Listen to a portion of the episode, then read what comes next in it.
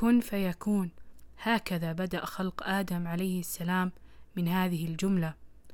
ومنها بدأت معها سلسلة الحياة وأتى معها أكثر شيء جدلا واهتماما على هذا الكوكب ألا وهو الإنسان.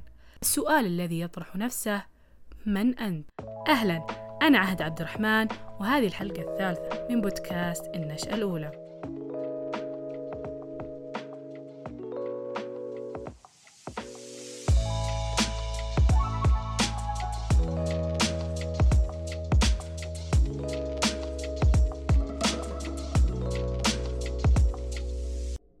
هل أنت الذي خلق الكون من أجلك؟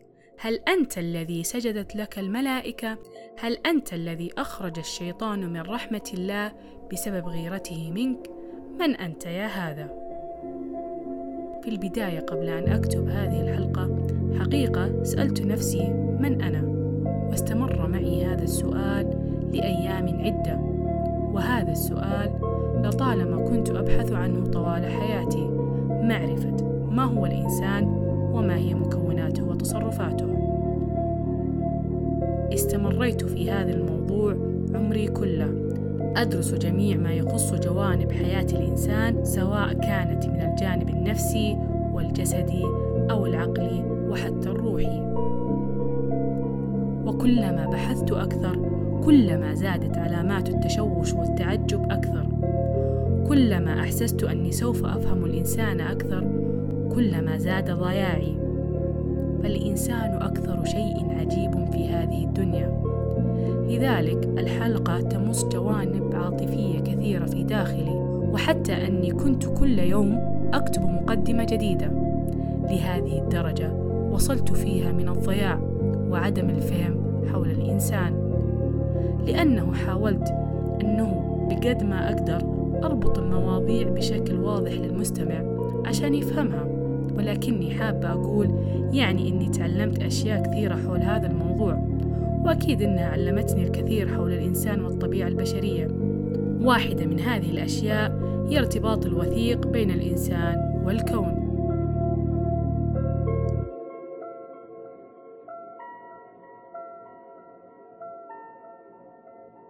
كما قلت في الحلقة السابقة أن آدم وحواء عليهم السلام رغم أنهم خلقوا لكي يكونوا خلفاء الله في الأرض إلى أنهم لم يهبطوا إلى الأرض مباشرة بل كانوا في الجنة بسبب أنهم غير جاهزين بعد. ولكن لنرى كيف بدأ الخلق قبل حتى أن يخلق آدم عليه السلام. إن أول شيء خلقه الله هو عقل الروح ومن ثم صور الجسد. في قوله تعالى ولقد خلقناكم ثم صورناكم أي أنه الروح أتت أولا ومن ثم الجسد المادي ويعتبر الجسد وسيلة من وسائل التسخير في الأرض.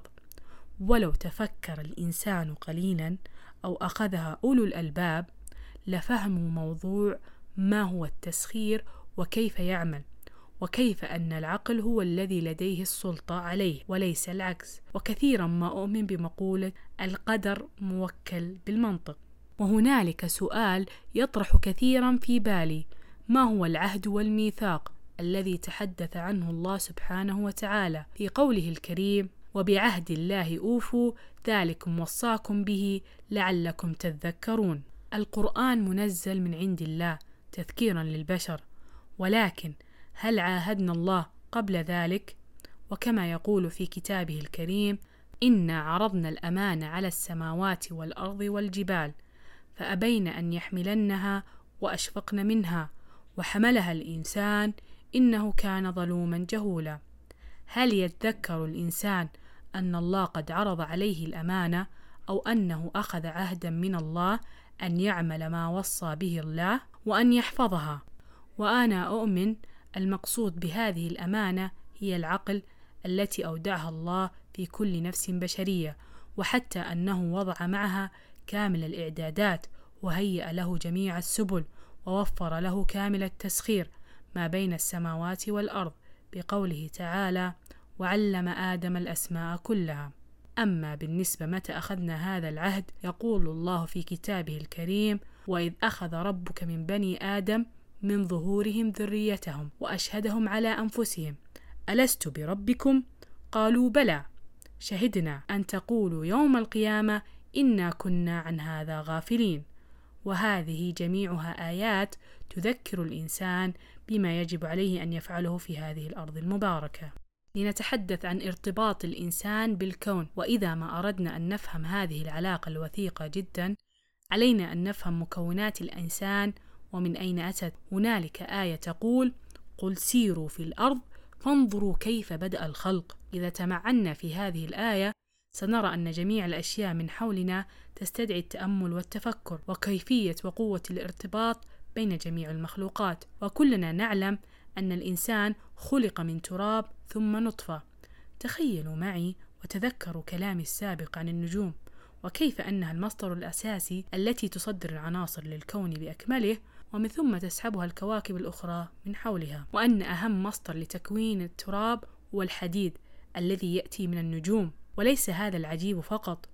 كثير من المكونات الأساسية لجسم الإنسان تشابه كثيرا في تكوينها مع الكون حيث يتكون الإنسان والكون معا من عدة مصادر أهمها الكربون والهيدروجين والأكسجين والنيتروجين.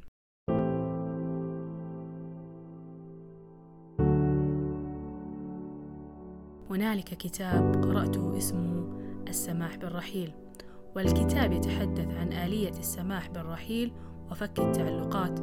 ولكن شدني في مقدمة الكتاب أن الكاتب يقول أن مملكة السماء بداخلك وأن ما تسعى إليه لا يختلف كثيرا عن نفسك أنت الحقيقية. فلماذا يصعب علينا الحصول على الأشياء الغريزية أو حتى يصعب علينا السعي في بعض الأحيان؟ إذا كنا نحن والكون شيء واحد فلماذا لا يمكننا تحقيق ما نريده؟ هل ذلك بسبب عدم فهمنا الكامل بحقيقتنا والقوة العظيمة التي أودعها الله فينا؟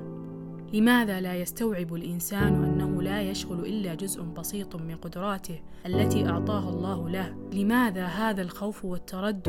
لماذا هذا الكسل والعجز؟ هل الله وضعك في هذا المكان وهو يعلم أنك لا تستطيع أو أنه أكبر من طاقتك وسعتك اسأل نفسك مرة أخرى من أنت؟ وما هي رسالتي في هذه الحياة.